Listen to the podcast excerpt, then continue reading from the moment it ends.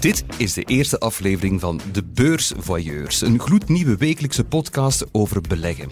In deze podcast kijken we terug naar de voorbije week, beantwoorden we vragen van luisteraars, duiken we in de portefeuille van een bekende voyeur en verdiepen we ons in de wonderenwereld van het beleggen. Welkom.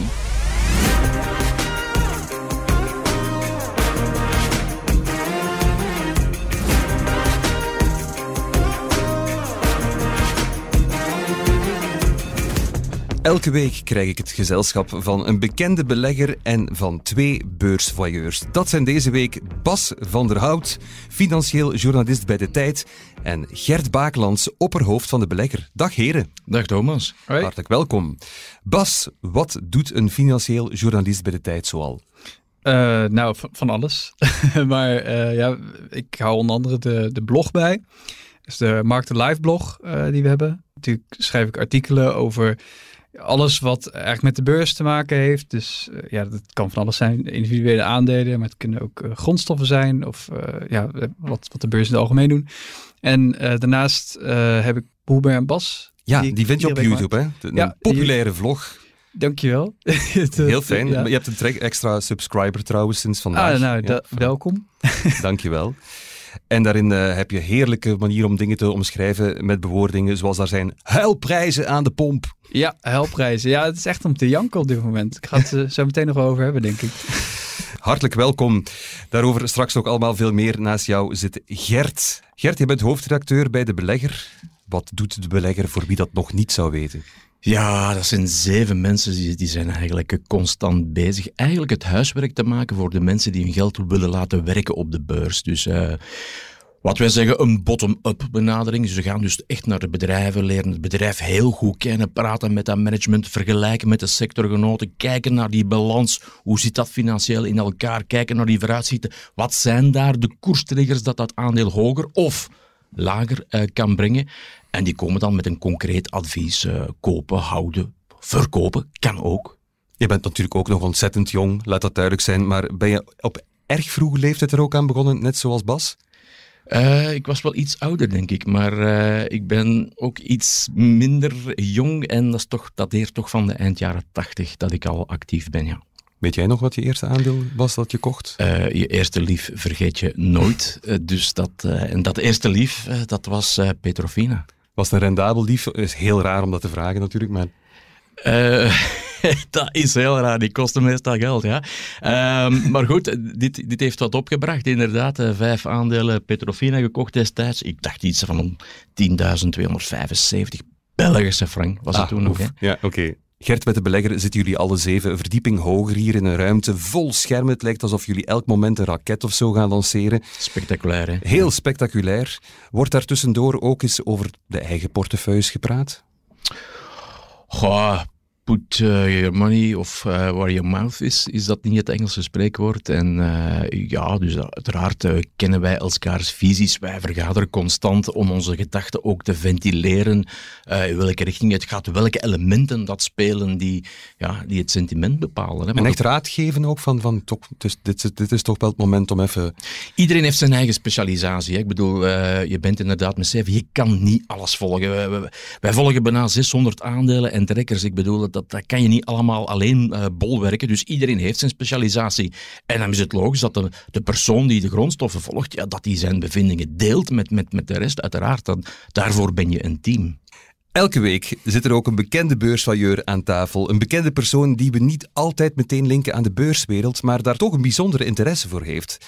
Als onze bekende beursvailleur van vandaag niet de koers in de gaten houdt, dan rijdt hij hem gewoon zelf. Welkom, Jan Baaklands. Dag Thomas. Beste Jan, fantastisch dat je er bent. Uh, ik voel ook meteen het aandeel... Bakelandsen. Uh, Bakelandsen en het aandeel Ja, Kempen, ik heb mijn broer meegenomen, dag Jan. Kempenzone ook stijgen hier uh, in, in de podcaststudio. Jullie zijn niet echt heel nauwe familie of, of zijn jullie daar nog niet uit? Bij mijn weten zijn we geen familie, maar ja, de naam van Gert was mij wel bekend. En vice versa, denk ik. Mm -hmm. Maar we zijn geen familie. Ik neem aan dat jullie allemaal Jan Bakelands wel kennen. Jan is een, uh, een fenomenaal coureur, rijdt voor Intermarché Wanty Gobert Matériaux. Heb je eigenlijk in godsnaam tijd om dit te doen, uh, Jan? Uh, vandaag wel. Ik, uh, ik ben twee weken in België, uh, waarin ik mij voorbereid op de Ronde van Catalonië van volgende week. Mm -hmm. En ja, het paste in mijn, in mijn dagplanning om vandaag naar, naar hier af te zakken. Fantastisch. Alles goed met jouw knie? Mijn knie is in orde. Dat is goed om te weten. Rij, uh, mogen we wel weten welke voorjaarsklassiekers je nog gaat rijden? Ja, ja zeker. Uh, dus ik doe nu de, de, de Ronde van Catalonië en dan nadien uh, de Volta Limburg Classic, de Amstel Gold Race, de Brabantse Pijl, de Waalse Pijl en Luik Bastenaken Luik. Oké, okay. fantastisch om naar uit te kijken. Nu komt ook de woordspeling van de hele podcast. Welk koersdoel heb je voor ogen, Jan? Haha. ja. ik hoop in de, in de klassiekers daar toch eens top 10 te rijden. En ja, voor de Ronde van Catalonië verwacht ik ook wel voor uh, een rit uit te kiezen en eens in de top 5 te rijden. Oké, spannend. Ik wens het jou allemaal toe in elk geval. Wat heb je eigenlijk met beleggen, Jan? Ja, dus uh, van kindsbeen af een beetje bij ons binnengecijpeld. Mijn vader was een, uh, een verwoed amateurbelegger. Uh, en dan zag ik dat vroeger op teletext, als hij thuis kwam van zijn werk, hoe dat hem de koerstabellen daar op teletext toen nog zat te raadplegen. En vrij jong toen um, is hij heeft hij voor ons ons eerste aandeel gekocht. Oké. Okay. Um, gewoon om te zeggen, kijk, dat is uh, uw spaargeld en dat kunnen daar ook mee doen. En ja, dat was iets, iets heel simpel. Gert zal dat nog wel kennen, Mecaniver. Blijkbaar een soort holding heb ik uh, onlangs terug gaan opzoeken. Dat is en, lang geleden, uh, ja. Ja, ja. ja. dat is inderdaad lang geleden. Ik, ik ben 36 ondertussen. Ik zou niet weten wanneer het exact was. Maar ja, elk kind kreeg twee aandelen of zo. Het was een vrij duur Ja, in Belgische frank, ja, absoluut. Um, het zal toch rond 2 of misschien 5000 frank geweest zijn. Maar oh ja, we hebben daar allemaal toch wel wat winst op gehad. En uh, ja, zo hebben we gezien dat uh, ook anders dan via een spaarboek uh, geld kon renderen. En dan ben je zelf ook gebeten geraakt om, om er je verder in te verdiepen op een of andere manier. Ja, in mijn studententijd had ik dan af en toe wat, wat loze uren en uh, begon ik het toch wel interessanter en interessanter te vinden. En dan heb ik in die periode wel voor kleinere bedragen, ja, studenten bedragen, wat aandelen gekocht. Allee, het voordeel van koersen is dat je weinig opdoet, want je gaat niet op café. Um, en um, dat je af en toe wel wat cash genereert, want als je in de top 10 rijdt en nog dichter bij de overwinning komt, dan krijg je wat prijzengeld. Vroeger was dat ook effectief nog aan een uh, tafeltje achteraf in een café, dat dat direct handje, handje contantje wordt uitbetaald. Tuurlijk, ja. En zo, ja, ik zeg het, je doet niet veel op. Um, het enige dat je koopt is af en toe nieuw materiaal voor je fiets, maar daar probeerde toch... Uh, de, de ouders aan te spreken, omdat het dan direct over grotere bedragen ging. Dus je spaargeld stapelt wel op. En op den duur begon ik te denken, tju, dat is toch wel jammer dat het hier staat. Het is tijd om wat risico te nemen. En ja, thuis had ik dus uh, een goed voorbeeld. En zo ben ik erin gerold. En dan heb ik in die periode wel wat aandelen gekocht, waarvan dat ik er vele nog heb. Ik ben een, een soort buy-and-hold belegger. Um, degene die ik nog heb, die zijn ofwel veel waard geworden nu, ofwel heb ik niks niet meer over. Fantastisch, maar vroeg begonnen, eh, meer dan half gewonnen, heb ik al geleerd ondertussen. En uh, ja, je hebt bio-ingenieur gestudeerd, hè? Ja, inderdaad. Betekent dat ook dat jij dan toch extra interesse had voor biotech-beleggingen? Ja, um, een van de aandelen dat ik toen in Leuven heb gekocht aan een, aan een, aan een kleine koers was uh, Galapagos. Um, dat heb ik altijd bijgehouden. Um, en dat is jammer. Want anders had ik zwaar aan de kassa gepasseerd. En uh, nu heb ik ze vorige maand uit frustratie verkocht. Want ik was zo stom geweest om in de coronacrisis, toen ze naar 180 terugzakten, er toch nog 20 bij te kopen. Had ik nooit moeten doen. Want uh, die 100 dat ik aan 16 euro had gekocht, die waren heel veel geld waard geworden. 250 was de topkoers geweest. Ja, ja, ja. En ik heb dat helaas niet verkocht, er 20 bij gekocht. Dus ik had nog 500 euro winst. En ik heb het uit frustratie verkocht, nog voor de nieuwe CEO in spel kwam. Ik ben eigenlijk heel blij dat ik er vanaf ben. Maar ik voel dat je er echt heel fel mee bezig bent, Jan. Ik ben heel erg onder de indruk. Straks zal onze vragencomputer Wanda Buffett nog meer van jou ontfutselen, Jan. Dat wordt straks wel duidelijk. Wanda is by far de meest schaamteloze computer van de tijd. Dat kan ik jou wel meegeven. Het zal niet aan ons liggen, die vragen. Het is Wanda's schuld. Maar nu eerst blikken we met onze voyeurs terug op de voorbije week in de beursblik. De beursblik. In de beursblik komen we te weten wat onze beursvailleurs rond de tafel onthouden hebben van de voorbije beursweek. Wat was het meest markante beursnieuws? Wat bleef er kleven? Oké Gert, welk nieuws heeft jou opvliegers bezorgd deze week? Wel, ik denk dat ik het uh, meest spectaculair heb meegebracht. Hè. De Chinese beurs uh, begint deze week. Fantastische dalingen. Allee, fantastisch verkeerd woordgebruik in deze. Maar het was al voordien al serieus aan het. En dan, dan zag je zelfs uh, specifiek bij die technologieaandelen. Ja, twee opeenvolgende dalingen van, van, van meer dan 10%. Echt wel spectaculair. van woensdag ook weer opnieuw spektakel. Zelfs meer dan 10% stijging. Dus enorme fluctuaties, ja, dat moest ik meebrengen natuurlijk. Hè. Het, het, lijkt ver van ons bed misschien wel, uh, China, maar is het een ver van ons bed show? Niet meer, hè? niet meer. Uh, als we kijken naar de beurs van Hongkong, uh, volgens Goldman Sachs, uh, 15% van de aandelen daar zijn in handen van Amerikaanse beleggers. Op Wall Street heb je ook heel veel Chinese aandelen die daar noteren. En daar is zelfs 25% van de aandelen in Amerikaanse handen. En ik ben er ook van overtuigd dat heel veel Europeanen, Belgen, geïnvesteerd zijn in grote kleppers zoals een Alibaba, een Tencent. In Amsterdam noteert zelfs een holding, Prozus, die dan zwaar belegt is in, in Tencent, het grootste deel van de intrinsieke waarde van, van die holding. Dus uh, beleggers zullen zeker naar die Chinese beurs kijken, ja. Maar wat uh, heeft al die dolle capriolen van de Chinese beurs precies veroorzaakt? Ja, er zijn veel zaken, maar begin deze week toch wel vooral spektakel. Ja, helaas, Oekraïne. Uh, Poetin die dan militaire steun vraagt aan China. En dan beginnen beleggers te denken, hè, oei, militaire steun, als ze daarop ingaan, dan krijgen we sancties. Sancties op uh, Chinese bedrijven. En ze hebben dan het voorbeeld gezien van, van die Russische aandelen die echt implodeerden. Dus paniek. En dan heb je echt wel een verkoopgolf, vooral van die, van die buitenlandse beleggers, die, echt die Chinese aandelen gaan dumpen zijn uh, begin deze week. Oké, dat was toch maar het begin. Wat, wat heeft er nog meegespeeld?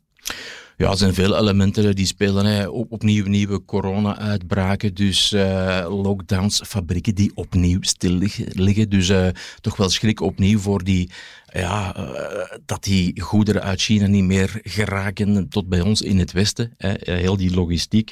Um, wat al langer speelt natuurlijk is de, de Chinese regulering. Meer bemoeizucht van, van de overheid. Boetes ook op bedrijven die niet, die niet volgen. Hè. Mm um, wat heb je nog? Uh, de president die zegt van kijk, ja, we moeten die, die, die welvaart, we moeten die gaan herverdelen. Ja, dat horen beleggers natuurlijk niet graag als bedrijven hun centen moeten afgeven. Hè. Um, dus eigenlijk wel best heel veel elementen uh, die spelen. Vastgoedreuzen ook, hè, ja, ik het zeggen, ja, die in problemen ja. zijn geraakt de voorbije maanden en die men heeft moeten redden. Zoveel elementen die die samenkomen. Dus ik zou kunnen spreken eigenlijk van een perfecte storm. Het is misschien nog niet helemaal gedaan met de dolle fratsen van de Chinese beurs. Ja, de volatiliteit die blijft. Hè. Woensdag enorm grote stijgingen, maar uiteindelijk uh, de meeste Chinese aandelen noteren nog altijd 60, 70 procent onder hun pieken. En inderdaad, er, er, er speelt nog altijd van alles. Hè. In Wall Street bijvoorbeeld. Um, daar heeft president Trump destijds gezegd van kijk, uh, die Chinese bedrijven of die buitenlandse bedrijven te koer, die moeten ook gecontroleerd worden, hun boekhouding, net zoals die Amerikanen bedrijven. Maar China die zegt van ja, maar kijk, dat zijn onze bedrijven, jullie hebben niks te controleren. Dus je, je hebt daar een conflict. En dan heeft de Amerikaanse wetgever gezegd van kijk, als dat niet gebeurt, ja, dan mag er geen notering zijn op Wall Street. Hè. En als ik, jullie krijgen drie jaar de kans, is dat niet gebeurd, oké, dan, dan gaan we je moeten schrappen op Wall Street. En dat is weer een gevaar, een element, een onzekerheid die speelt en ook weer voor, voor die volatiliteit zorgt, die, die zenuwachtigheid. Um, en dat is nog niet opgelost. Dat zal ook nog de komende maanden ongetwijfeld uh, nog spelen. Oké Bas, ik ben heel benieuwd. Wat is jou bijgebleven van de afgelopen beursweek? Uh, ja, toch wel de chaos op de grondstoffenmarkten. Uh, dat waren een aantal, maar ik begin met olie, want uh, dat is meest herkenbaar, denk ik, voor, voor de mensen thuis. Dat voelen we allemaal. Ja, precies. Hè? Dus we hadden het net over helprijzen aan de pomp. Um, en ja, de, begin vorige week zagen we dan dat de olieprijs piekte tot boven de 130 dollar per vat. Uh, had ermee te maken dat de Amerikanen uh, een embargo op Russische olie uh, invoerden. Um, en ja, daarna zagen we de prijs terugvallen. nou, onder andere door lockdowns in China die op de vraag drukken. maar het is ook zo dat er beleggers hopen op dit moment op een doorbraak in de onderhandelingen met, uh, met Iran. Mm want uh, als, uh, als de sancties van de VS tegen Iran worden opgeheven, dan mag Iran weer olie uitvoeren. Wat ook goed nieuws voor ons is dan. Ja, exact. Hè? Dat zou meer vaten olie weer op de markt betekenen. En ja, het is ja, dat zou goed zijn. Eh, da- daardoor zien we die prijs nu, eh, nu wat zakken. Ja, heel veel speculatie ook. Ik ben er net op Bloomberg nog eens gaan kijken naar de gasprijs in Rotterdam. Maar die is gehalveerd, mensen, op, op een week tijd. Die zit terug op het niveau van september, oktober. Horen we niet zo vaak op nieuws. Hè? Allemaal dure prijzen dat we betalen, hè? onze factuur. We zien het, hè? maar het zakt niet mee. Maar het, het, het beweegt enorm. Hè? Gedeeld door twee, hè, Thomas? Ja, het is ongelooflijk op zo'n korte tijd dan. Maar Ja. Oké, olie, maar er zijn natuurlijk nog grondstoffen. Bas, eh, wat valt je nog op? Ja, ze zeggen, de echte chaos was toch wel op de nikkelmarkt. De Eh, nikkelmarkt. Ja, hè, dus nikkel is wel hè, is belangrijk, want het is een belangrijk, eh, eh, is cruciaal bijvoorbeeld in elektrische auto's. Eh, dus eh, ja, en daar was echt chaos. Eh, vorige week maandag verdubbelde de prijs tot eh, bijna 50.000 dollar. Ehm, en ja, dat kwam omdat eh, beleggers vrezen dat die Russische sancties gaan zorgen voor een aanbodtekort. Eh, we hebben bijvoorbeeld eh, het Siberische Noornikkel, wat een, wat een essentiële speler is. En ja, dinsdag was eigenlijk het hek helemaal van de dam. Toen steeg de prijs in 18 minuten naar 100.000 dollar. Ehm, eh, dus we hebben het hier toch over behoorlijke bedragen, 100.000 dollar per ton. En eh, de London Metal Exchange, de LME, die annuleerde daarop eh, alle transacties op dinsdag en zette de handel stop. Mhm. En die, dat kwam eigenlijk door een short squeeze, dat die, dat die prijs zo, ineens zo omhoog ging. En een short squeeze, ja, dat wordt veroorzaakt door eh, eh, ja, speculanten die, spe die dus speculeren op een daling van de, van de nikkelprijs in dit geval. Mhm. En dat doen ze, eh, ja, en die moeten dan hun, hun posities afdekken in een krappe markt. Ja, dan krijg je dus zo'n, ja, dan, dan krijg je een beweging omhoog. En het ging hierbij om een Chinese staalmagnaat, die, ja, die dus had gespeculeerd op een daling. En, maar goed, daar lijkt nu een, een, een oplossing voor te zijn. Maar woensdag, dus hervatte de handel. Niet, eh, dus de, de handel is een week heeft hij stilgelegen. Hè? En Ja. dus, dus de woensdag eh, van deze week Ja? eh, daar werd de handel hervat. En toen waren er alweer problemen. Ehm, want eh, dat was handel met steunwieltjes. Dus werd de maximale dagelijkse eh, limieten van 5% eh, werden, werden afgesproken. ja. En bij opening zakte die prijs dus tot de onderkant van dat limiet. eh, v- 45.600 dollar ongeveer. En, ehm, nou, en het probleem was dat er dus ook enkele transacties onder die prijs zouden zijn gebeurd. Hè. Dus Bloomberg die zei dat er zelfs transacties waren doorgegaan van 44.000 Hoe kan dat? nou ja, dat is dus heel gek, want dat zou eigenlijk niet moeten kunnen. Eh, dus ja, dan moesten we de handel weer, eh, weer opschorten en kijken ze naar of er ja, een mogelijk technisch probleem is. Maar ja, toch ook wel gênant voor, voor, de, voor de LMI eigenlijk dit. Ja. Gert, hebben we dat soort toestanden al eens meegemaakt eigenlijk? Al vaak, al Ja? vaak meegemaakt met individuele aandelen. Ik denk met het geval Volkswagen een aantal jaren geleden. Het in één keer naar 1000 eh, euro per aandeel ging. Eh, maar ook in de jaren 90 eh, voor zilver bijvoorbeeld. Hè. Als je een krappe markt hebt hè, en, en waar, waar eigenlijk een, een, een hele kleine beweging kan zijn van vraag en aanbod en, en die, prijselasticiteit zo krap is dat, dat je eigenlijk echt, als men fysieke levering vraagt en je kan niet leveren, maar je moet leveren en je moet dus kopen op die markt, in een krappe markt waar eigenlijk geen aanbod is, ja, dan kan het enorm, enorm heel snel hoger gaan. Maar ook naar beneden terug ook hoor. Eh, Ja. Laat dat duidelijk zijn. Wat een, wat een tijden, eh, stevige kosten ook allemaal tot dusver. eh, de meest opmerkelijke dingen van de week. Ik hoop toch wel op een, een digestief sorbetje van, van Jan. Al hoef je je helemaal niet in te houden, laten we eerlijk zijn. Ik ben benieuwd wat je Ja, precies... ik word hier knock-out geslagen tegen. nee, ik heb eh, rap rap een, een moment moeten kiezen en ik heb gekozen voor een, een Belgisch aandeel dat ik eh, zelf ook heb, waar ik ook wel in geloof. Ehm, het gaat om het aandeel Solvay. Dat, eh, deze week is eh, CEO K3 uitgekomen met het feit dat ze graag het bedrijf in twee wil splitsen. Het is eh, een interessante beslissing, vind ik zelf. Omdat Solvay in ehm, het vergroenen van de wereld een belangrijke rol kan spelen. Chemie is nodig om, ehm, om een groenere wereld te krijgen. Ze maken heel licht composietmaterialen en, en allerhande ehm, zaken die ehm, vliegen bijvoorbeeld veel efficiënter en ehm, minder eh, brandstofconsumerend zouden kunnen maken. En anderzijds ja, blijven ze ook een, een eh, ja, oud chemiebedrijf dat toch ook vrij vervuilend is. Eh, onmiddellijk komt eh, voor de geest eh, de witte stranden in eh, Rossignano, denk ik. In Italië. Ja. Ehm, ook de schaliegastak is iets dat nu wel gewenst is, maar op termijn eigenlijk niet meer zou, beter niet meer zou bestaan. En daarom vind ik wel dat het interessant is dat dit bedrijf ehm, begint te evolueren, want ik vind ook dat het eigenlijk vrij goedkoop gewaardeerd is. Spreek mij tegen als het niet zo is, Geert.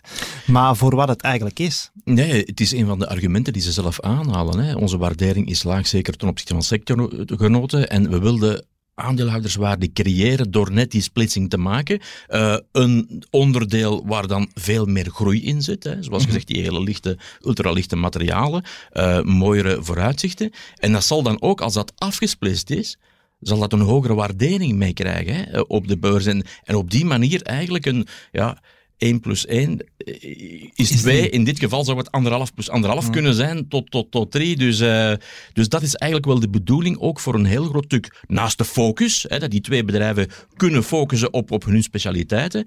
Maar uh, dat ook ja, die lage waardering, zoals je terecht uh, noemt, zeker ten opzichte van die sectorgenoten, dat die een stuk wordt weggewerkt. Ja, toch tot een korting van 33% ten opzichte van sectorgenoten. Dus, en ook hardnekkig. Dus dat proberen ze hiermee, hiermee weg te krijgen. Inderdaad. Ja, het blijft duren. Ik heb er inderdaad nog, uh, nog geen geld mee verdiend, denk ik, met dat aandeel. Ja, je hebt een aandeel bij, bij Solvay? Ja, ik, ik zit er zelf in, ja. Zeg, en, en waarom geen Solvac?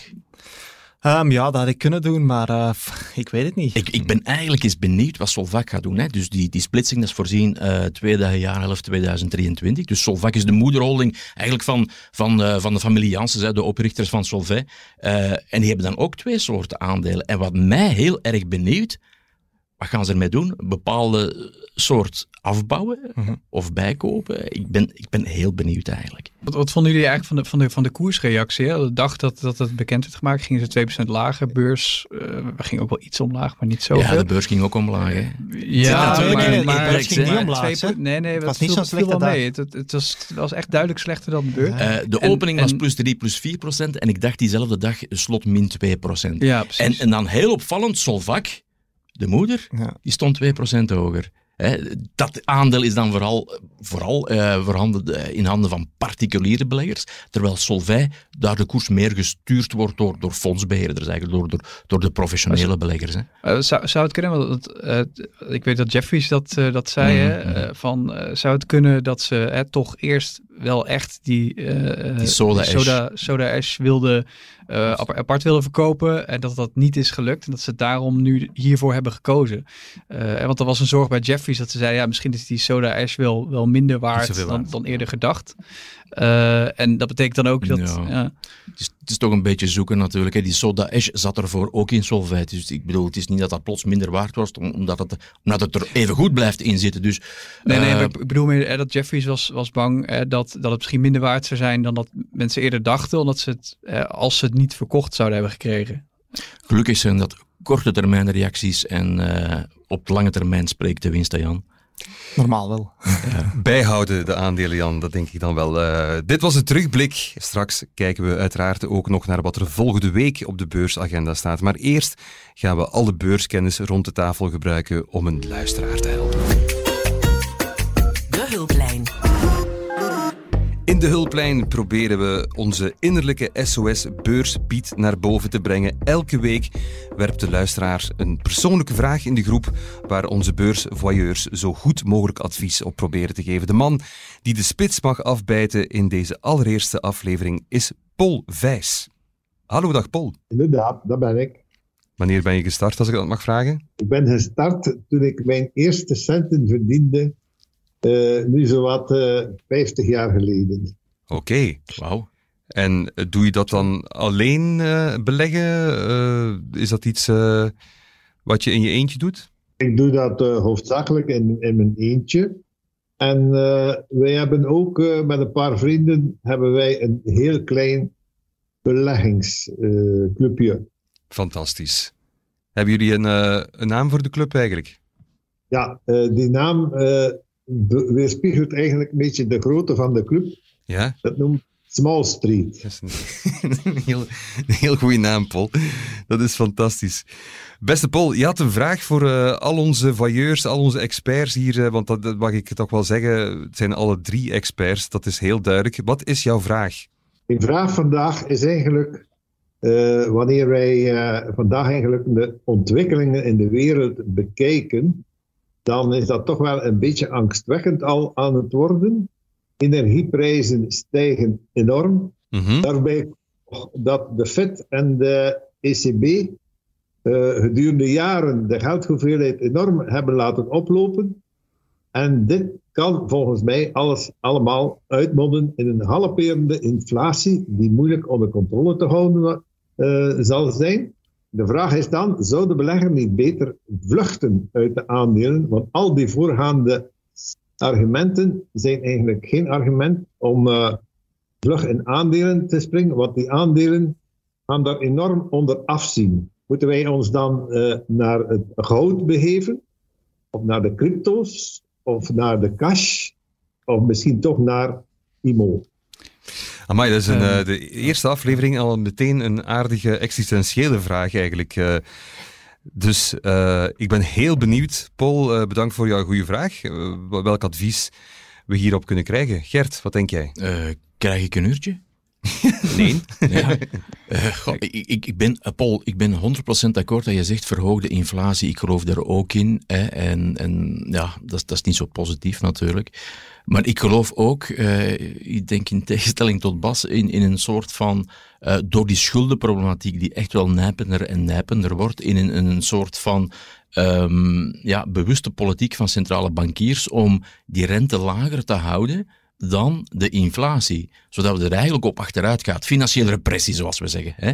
Uh, het bewust opleggen van een negatieve reële rente, want de reële gaat erop achteruit. Dus niks doen, geld op je spaarboekje, wordt elk jaar minder en minder waard. En nu, met die hoge inflatie, gaat het heel snel achteruit.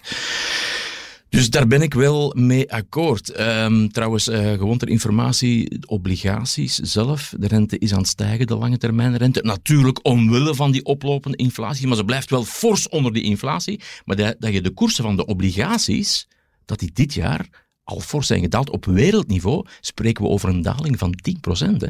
Mm -hmm. Dus niet alleen aandelen, maar ook obligaties. Uh, goed, maar dat is, dat is één punt.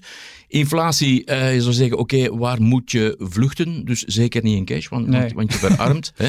Nee, uh, nee, inderdaad. Men zegt dan vaak de harde valuta. Hè? Bas, je hebt er straks over die, die grondstoffen gehad, maar daar heb ik zoiets van, ja, grondstoffen, het, het beweegt zo hard, het is allemaal zo hard gestegen dat het ook eigenlijk kwetsbaar wordt tot, tot winstneming. Hè? Die gasprijs die gehalveerd is op, op, op, op een week tijd.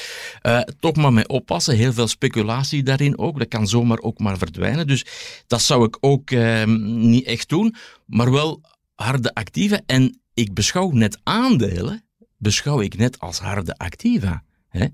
Um, en voor bedrijven, want aandelen zijn deelbewijzen van bedrijven, eigendomsbedrijven, als bedrijven hun, uh, hun, hun prijzen moeten laten stijgen, hè, want dat is inflatie, hogere omzet, en ze zijn in staat om hun winstmarges te behouden. Dat is wel belangrijk natuurlijk. Dan zal ook uiteindelijk die winst stijgen. Hè. Hogere omzet, zelfde winstmarge, hogere winst. Logisch. Maar je moet natuurlijk in staat zijn die prijszettingskracht hebben. En het ene bedrijf is duidelijk het andere niet. En dan denk ik dat dat niet nefast hoeft te zijn, die inflatie. Op lange termijn is ook al aangetoond dat, dat, uh, dat aandelen als activa-klasse eigenlijk behoorlijk bestendig zijn tegen inflatie. Beste Paul, heb jij ondertussen al uh, een, een bevredigend antwoord gehoord eigenlijk op jouw vraag? Ik vind het nogal, uh, nogal eenvoudig om te zeggen, kijk, de bedrijven uh, als ze hoge kosten hebben, dan zullen ook hogere winsten zijn. En, uh, en nou, maar wacht, dat heeft ermee te maken, dus of je het kunt doorrekenen of niet. Dat is echt heel belangrijk. Hè? Dus als je, als je neem bijvoorbeeld een, een Apple of zo, ja, die hebben, hebben toch een grote marktmacht, Microsoft. Uh, mm. en, en, als dan je, je inputprijzen gaan inderdaad omhoog, maar als je dat makkelijk kan doorrekenen, uh, ja, dan, dan, ja, dan, kun je, dan, dan zou je in staat moeten zijn om je windmarge te behouden. En dan zou het aandeel uh, mee moeten stijgen. Maar ik ben wel met Paul akkoord als ze zegt van ik, ik verwacht eigenlijk een, soort van stagflatie, dus een, een, een, ja, verslechterende economische groei eigenlijk, dat achteruit gaat. Dus dat speelt natuurlijk ook wel mee. Nu is de beurs, uh, ik zie de beurs eerder als een barometer, hè? Die, die voorspelt de economie en niet andersom. De economie voorspelt de beurs niet. Nee, de beurs is een voorlopende indicator, om het zo maar te zeggen. En uh, ja, op korte termijn vind ik het eerlijk gezegd redelijk sterk vooruitgelopen. Het is al heel fors hersteld hè, mm-hmm. ten opzichte van het dieptepunt van vorige week. Uh, sommige beursindexen zijn allemaal 10, 15 procent hersteld, terwijl er nog niets opgelost is in Oekraïne. Sommige indexen staan al voor het pre-Oekraïne niveau. En, en mensen zijn nog altijd aan het vechten. Hè. Moet ik dat nu samenvatten als rustig blijven en uh, vooral niets doen? Paul, ik denk dat dat het antwoord is. vind je dat In, Vind in je ieder geval, in, ieder geval ja, in cash, als je, als je echt denkt er komt een hoge inflatie, dan lijkt mij eh, cash niet heel verstandig. Dat zijn de belangrijkste tips die we van onze beursvailleurs kunnen geven. Paul, jij denkt misschien aan goud of, of wat, Paul? Ik denk eh, aan meer in de, in de IMO-kant, die minder gevoelig is voor, eh, voor inflatie en, voor, eh, eh, en ook voor eh, de zeer eh, stabiele aandelen van distributeurs en zo. Ik vind, Eh, dat is heel Belgisch, hè, Paul. Heel Belgisch direct de IMO erbij trekken. Hè. Ja. We gaan nog een baksteen meer zetten. Beste Paul, ik hoop dat je, er, dat je er toch iets aan gehad hebt en dat je eh, gewoon toch wat, wat rust hebt gevonden bij het advies van onze beursvailleurs. inderdaad. Hartelijk dank voor jouw vraag. Dag Paul. Zit je zoals Paul thuis zelf met een vraag voor onze vailleurs? Laat het ons vooral weten op podcast.tijd.be. En wie weet hang je volgende week aan onze hulplijn. Zo Jan, het is tijd om eens dieper in jouw portefeuille te duiken.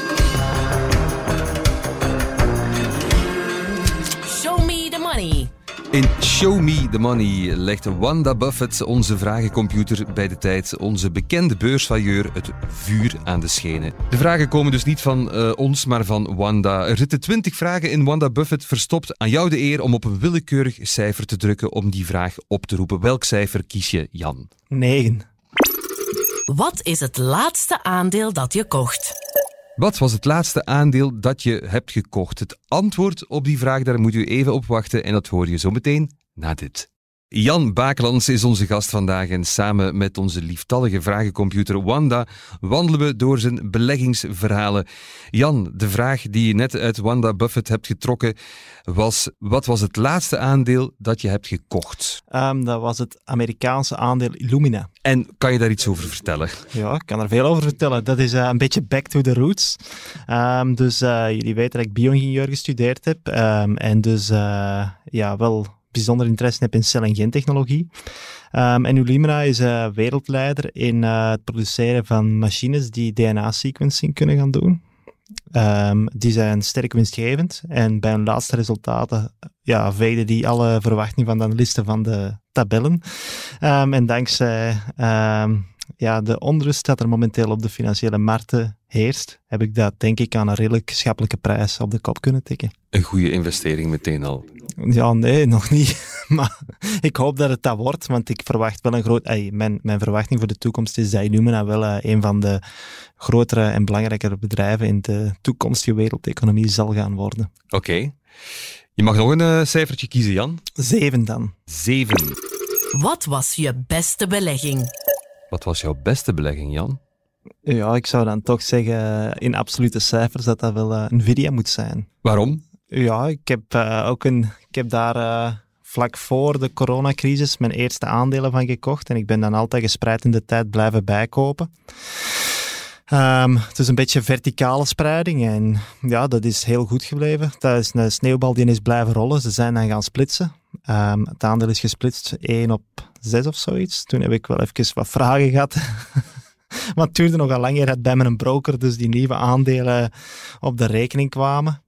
En ik dacht, wat is er nu? Allee, ik had vlak voor de splitsing, eigenlijk eh, hebben jullie daar een slechte rol in gespeeld als krant. Want jullie hadden mij een beetje bang gemaakt met de fiscale Ik afhandeling. zie hier al echt Gert en Bas ja, die er, waren- proeven er, werd- kijken. er was twijfel gerezen over hoe dat, dat fiscaal zou afgehandeld worden. Dus je kreeg van één oud aandeel, kreeg je vijf nieuwe bij als dividend zogezegd. En dus was er mogelijkheid dat je een dividendbelasting ging moeten betalen op die vijf nieuwe aandelen. En ja, dat ging mij heel veel geld kosten als dat er effectief kwam. En het was heel onduidelijk, want eigenlijk is daar in België moet daar dringend eh, schoon schip maken en een duidelijk eh, kader maken over wat de afhandeling van dat soort zaken is.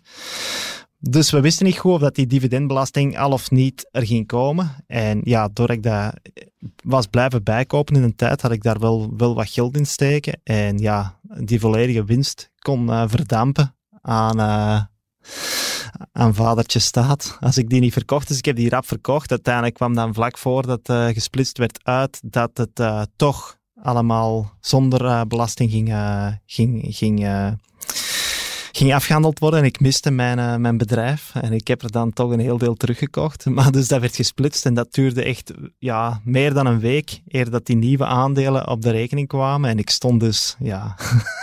extreem in het rood op mijn uh, online banking account. En ik dacht van shit, ik heb een aandeel gekocht omdat het dividend al geknipt was, waar dat de coupon van is afgetrokken en ik heb daar geen recht op. Wat gelukkig niet zo was. Maar uh, dus ik, ik dacht even dat dat uh, de, de redenering was omdat het zo lang duurde. En daardoor, ja. Uiteindelijk heb ik dan mijn vijf nieuwe aandelen gehad. En dan is Nvidia blijven doorstijgen. Maar nu is het wel uh, ja, het is een interessant instapmoment voor de mensen, denk Hopla. ik. En nog een tip erbij. Je bent ontzettend goed bezig, Jan. Uh, gewoon de krant niet beledigen, dat is het enige. Ben je klaar voor nog een cijfer? 11. Wat is jouw strategie? Ja, ik heb geen strategie, ik doe ik maar wat. Zo kom je niet echt over om eerlijk te zijn. Uh, nee, Ik, vind, ik, ik lees in de krant en ik vind, wat, wat vind ik interessant? Welk bedrijf spreekt me aan in de toekomst? Wat, wat zie ik doorbreken? Wat gaat blijven hangen? Uh, hoe kan ik mijn steentje bijdragen aan de economie en sponsoren? Allee, investeren in wat op termijn belangrijk wordt. En op basis van die ja, criteria kies ik. Je maakt, je maakt ethische keuzes ook? Maak je ook echt gevoelskeuzes? Dat speelt mee, ja. Allee, ik heb oliebedrijven gehad en ik heb er nog één, maar ik wil er eigenlijk ook stilletjes aan wel van af. Ik denk uh, dat nu um, de deining van de Oekraïne-crisis daar ook wel een ideaal moment voor zal zijn. Momenteel zijn die toch, liggen ze goed in de markt en kan ik het uh, met, met bescheiden winst uh, van de hand doen. Want ik, ay, je weet dat dat een aflopend verhaal is. En ja, het, het slaat niet meer aan bij waar ik voor wil staan. Oké okay, Jan, nog een cijfertje in je hoofd? Twee. Over welke belegging twijfel je vandaag het meest? Um, ja, twijfelen. Ik denk dat iedereen momenteel wel wat twijfelt over wie nu afkomt van ik heb mega veel winst gemaakt uh, dit jaar, die, die, die zal ik toch wat scheef bekijken en allicht niet geloven. Dus ja, iedereen twijfelt wel een beetje aan, aan denk ik, de tijd waarin we leven. Ik vind dat er veel um, onzekere variabelen zijn en hoe, ja, hoe de wereld in de komende twee, drie jaar en zelfs iets langer uh, zal gaan evolueren. Allee, er zijn veel potentiële zwarte zwanen. Um, er is een conflict vlak bij ons thuis in de eerste plaats. Dat is uh, geleden van Wereldoorlog 2.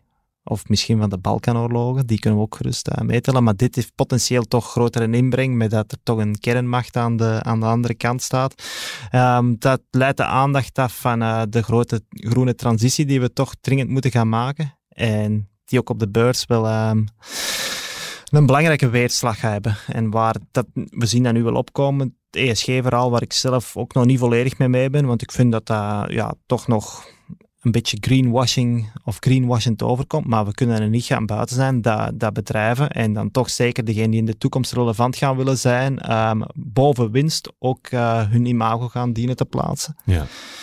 En dat bepaalt ook jouw keuze in, in, in welke aandelen je koopt? Ja, toch wel. Beste Jan, ik wil je enorm bedanken om zo open en zo eerlijk uh, erover te praten. Het was ontzettend leuk. Um, en veel dank dus voor jouw openhartigheid, niet alleen, en jouw boeiende beursverhalen. Misschien ben je op dit moment het nog niet, maar wij voelen dat we toch er enorm rijker van zijn geworden. Veel dank daarvoor. Graag gedaan. het laatste onderdeel in deze podcast is een blik vooruit naar volgende week, want ook dan valt er vermoedelijk heel wat te beleven in beleggingsland. De blik vooruit. Wat moeten beleggers volgende week in de gaten houden? We vragen het aan onze beursvoyeurs, die uiteraard nooit gaan slapen voor ze elk beursverhaal gelezen of geschreven hebben. Gert, Waar kijk jij naar uit voor volgende week? Ja, wel, ik kijk uh, uit naar uh, nu maandag 21 uh, maart. Dan hebben wij De Belegger on Tour, hè, een eigen organisatie in de Kinepolis in Antwerpen. En een heel mooi concept, onder andere met een CEO-pitch. Wij nodigen vier CEO's uit, waaronder Ilham Kadri, CEO van Solveian. Dus bij deze uitgenodigd. Kom zeker af, want iedereen is welkom. Het is zowel fysiek aanwezig als digitaal ook. Mensen kunnen ook online luisteren. En een heel mooi concept. Ehm, dus uh, mensen, de CEO's, we vragen aan de mensen van, is dit aandeel interessant, ja of nee? En ze mogen stemmen. Heel binair, ja of nee. En dan doen die CEO's hun pitch, acht minuten, heel strikt. Uh, mensen mogen vragen stellen, een Q&A. En na die Q&A gaan we opnieuw die stemming doen hè, aan de mensen van, is dit een bedrijf dat u interesseert, uh, dat, dat eventueel koopwaardig is? Bas, waar kijk jij naar uit? Uh, naar de herschikking van de, van de Bel 20 maandag. Uh, dus uh, Telenet en Melexis die maken plaats voor de holding Dieteren en de logistieke vastgoedspeler VGP. En ja, ik weet niet wat, jullie daarvan vinden, maar ik vind het toch wel jammer dat Melexis er bijvoorbeeld al na een jaar uitgaat. Want dat is eigenlijk het enige techbedrijf in de, de Bel 20. Dus ik, ja. Gesprekstof voor volgende week, beste Bas. Ik voel het nu al. Jan, wat denk jij? Wat uh, is iets om naar uit te kijken in Beursland? Uh, ik heb niet op de kalender gekeken en bovendien volgende week zit ik in de ronde van Catalonië. Dus uh, dan zal het even... kijk uit naar de sportieve site. En ik kijk uit naar al jouw sportieve prestaties. Dankjewel Jan. Goed, dit was het dan. Ik bedank onze beurswailleurs van dienst Bas van der Hout, Gert Baakland. Goed gedaan heren. Uiteraard onze luisteraar Paul Vijs en natuurlijk onze allereerste bekende voyeur Jan Bakelands. Volgende week zijn we weer in het gezelschap van fijne beursvoyeurs en een nieuwe bekende voyeur die nog niet veel kwijt wou, maar wel al het volgende. Hallo, hallo. Ja, uh, het is om te zeggen dat het zal lukken voor volgende week. Hè. Je hebt nog les op uh, donderdag voormiddag, maar daarna kan ik zeker afkomen. Het zijn drukke weken met wat papers die nog af moeten voor de paasvakantie. En ik ben ook aan een tweede boek aan het schrijven. Maar ja, je kent mijn motto, hè. Werken voor je geld en dan je geld voor jou laten werken. Ja, je bent jong en je wilt wat. Dus uh, dan zeg ik, beleg je maar. Allee, tot volgende week, hè.